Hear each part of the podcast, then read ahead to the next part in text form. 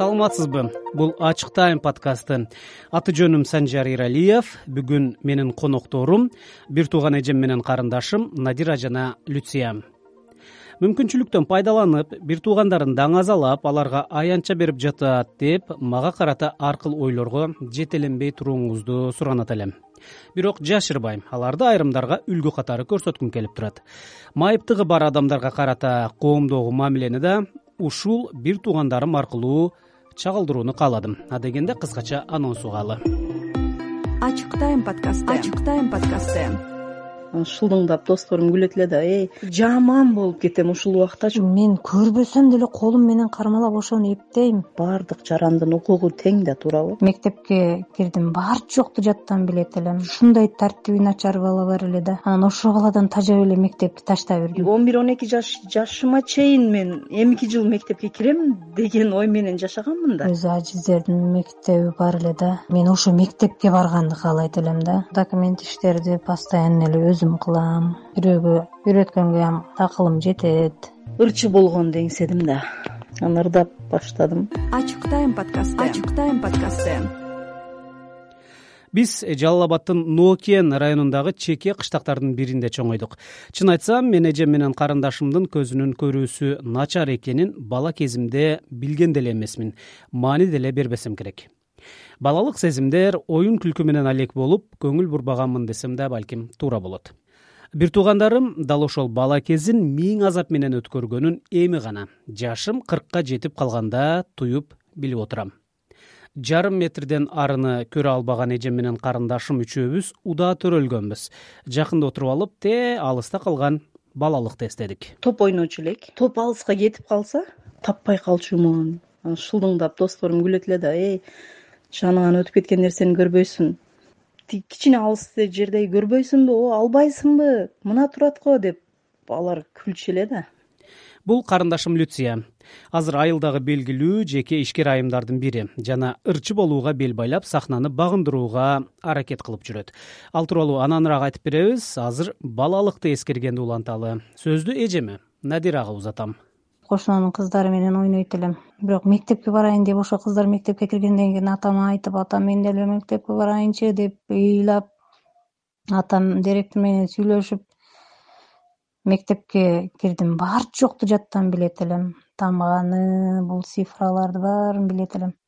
Жазат элем. Тетрадка жакын барып алып көзүмдү ушундай жармаштырып алып жазат элем. Баса надира дароо эле мектептин экинчи классына кабыл алынган. Себеби тең туштары мектепте үйрөнгөн арипттерди жана сандарды математикалык ыкмаларды үйдөн эле окуп билип алган болчу. Жазганда деле окуганда деле китеп дептерди көзүнө өтө жакын алып келбесе көрбөйт. Көз айнек деле пайда берген эмес. Тилекке каршы эжем мектепте көпкө окубады. Ал жерде бир ушундай тартиби начар бала бар эле да ошол баладан көп сөз уктум мен. Сен мындай көзүң андай деп сүйлөйт эле.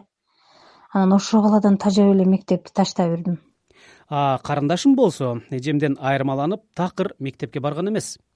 Тамга жана сандарды өзүбүз эле үйдө үйрөтүп койгонбуз. Чын айтсак ата энем алардын айылдагы мектепке барышын каалашпаган.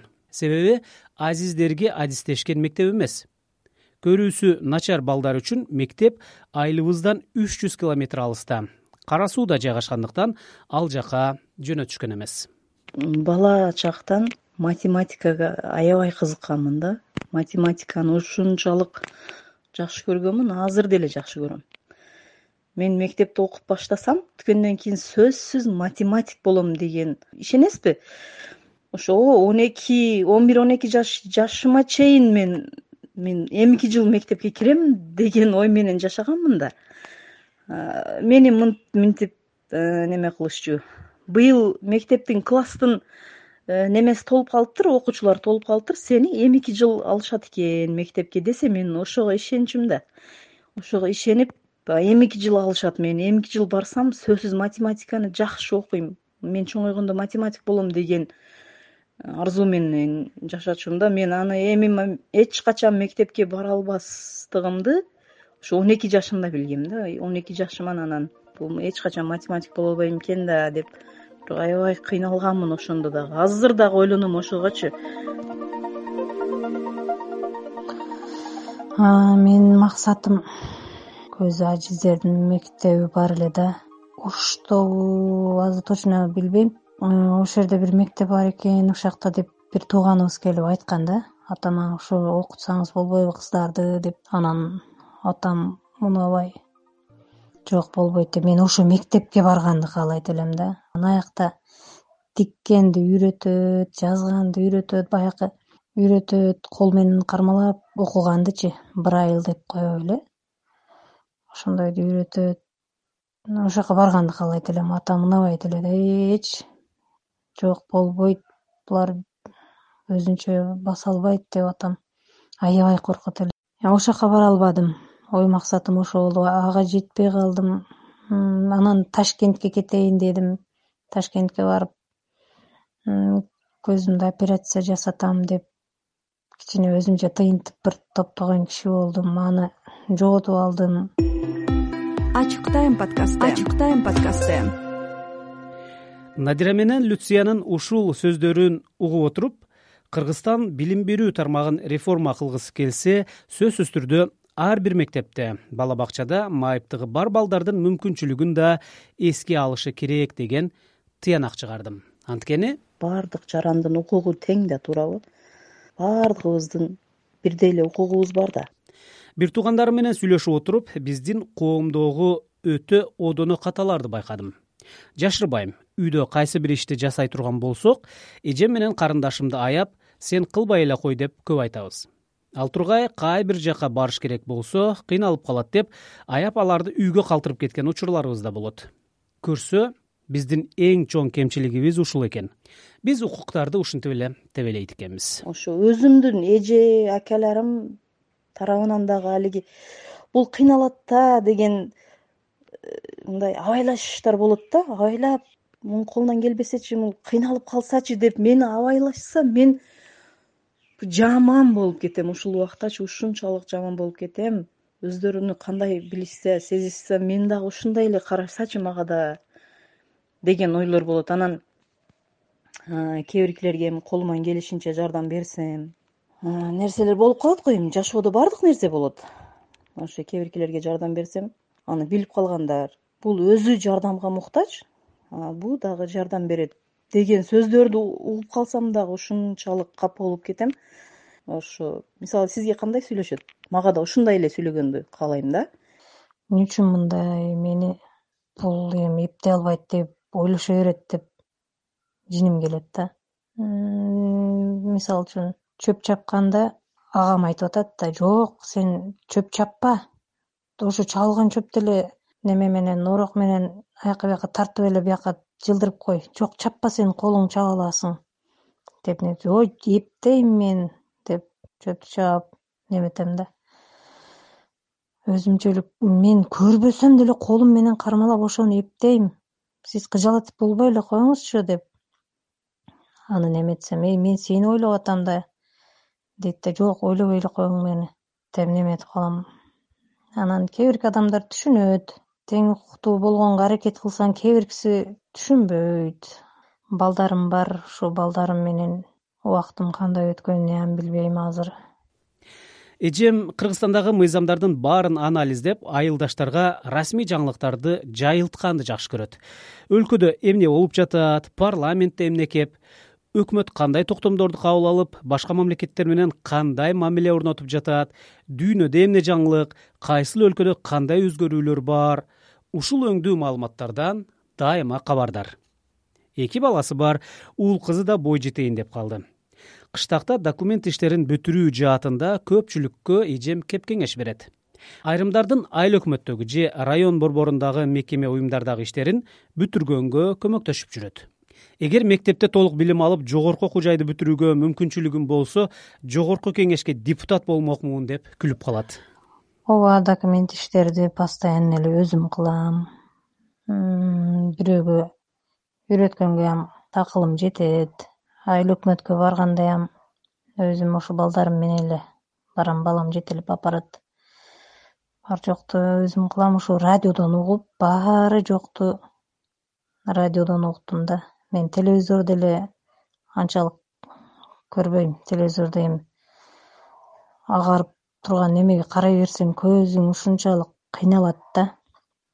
Кыйналып кетет көзүм мени. Башкаларды билбейм мен.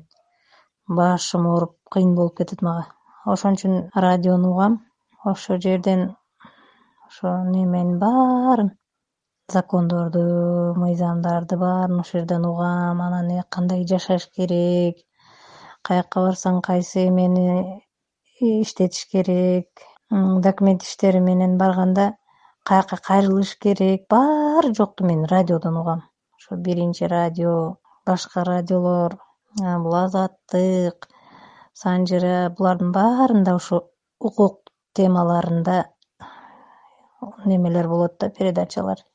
Ошолорду угуп ошондон өзүмгө сабак алып билип алганмын баары жокту бирок өзүн өнүктүрүүдө эле эжем надирага оңойго турбаптыр депрессияга баткан учурлардын канчасын жеңип чыктым дейт. А биз жанында жүргөн туугандары анын кыйынчылыктарын сезбептирбиз деле сигаретти чегип көрдүм болбойт экен ал деле анан кыйналдым. Анан музыкага өтүп алдым. Музыка угуп ошо бир магнитофон бар эле үйдө. Өзүмчө ырдап үнүмдү жаздырып аны угуп бийлеп бир үйгө кирип алып эле ыйлап ыйлап ырдап ырдап ошондой кылып бир уктап туруп эсимен чыгарып дагы эсиме түшүп калса дагы ыйлап ушу жетпей калдым ушул ишти кыла албай калдым мен эптей албайт экенмин да деп эле өзүмчө эле ырларды токуп ошону обонго салат элем да. Обонго салып өзүм ырдап эсимен чыгарышка анан стресстен чыгышка аракет кылат элем ошондой болуп чыгып кетет элем. Окубачы ыйлап жазган катымды. Сен көрбөчү көздөн тамган жашымды мен сүйүүнүн кай жеринде жаңылдым. Карагаттай көздөрүңдү сагындым ачык тайм подкасты ачык тайм подкасты ал эми карындашым люцияны айылдаштарым ишкер айым деп атап коюшат. Элдин чөнтөк телефонуна акча салат мал чарбасы менен алектенет өзү бука багат. Муктаж кишилерге акчалай жардам берип да жүрөт. Эки миң жыйырманчы жылдан баштап сахнаны багындырам деген аракетте үч төрт айда бир бишкекке келип ыр жаздырат. Концерттерге да катыша баштады. Кол чабуулар менен келечектеги мен ошол башында айтып өтүп кеттим ошо математик болгонду каалаганмын аны ал немеге мен жетпей калдым анан ырчы болгонду эңседим да. Ырчы болушту каалап ичимдегини бирөөгө айтканга кыйналам да. Чынын айтканда ичимдеги болуп аткан немелерди жада калса өзүмдүн эжелериме дагы айтпайм анчалыкчы айта турган убакыт келет өзү. А бирок ар дайым эле айта албайсыз да анан ошону ырдап чыгаргым келет да. Баары үнүңүз менен ырдасаңыз кандай башкача болот да. Анан ырдап баштадым. Кандай ыйык кандай махабат эт жүрөктү эркин жаралап. Эч кошулгус ошондой кылып жүрүп өзүмөн өзүмө окшогон тагдырлашым бар. Айнагүл абасова деген азыр белгилүү эле ырчы болуп калды айнагүл абасова менен таанышып дос болуп анын аракеттери менен мен ошо бишкекке барып бакыт мамаев композитор агайыбыз менен таанышып ырлар жазып ошол жердеги чоң чоң концерттерде катышып ырдап калдым. Азыр эми жашоо башкача болуп көрүнүп баштады да ошондон кийинчи жашоо мага башкача сезилип баштады. Түнүм менен күнүм караңгы унуткарып күндө санамды. Эң соң сизге ушул ырдесте жеңилдетсин тарткан кайгымды түнүм менен күнүм караңгы. Унуткарып күндө санамды. Ушул ырдесте жеңилдетсин тарткан кайгыңды кантип актайм кантип ак сүтүң жеңилдетсин тарткан кайгыңды апа кебай апа кебай жеңилдетсин тарткан кайгыңды бул ачык тайм подкасты болду. Бүгүн бир туугандарым эжем надира жана карындашым люция менен баарлашууну сунуш кылдым. Аты жөнүм санжар эралиев уккандарга ыраазычылык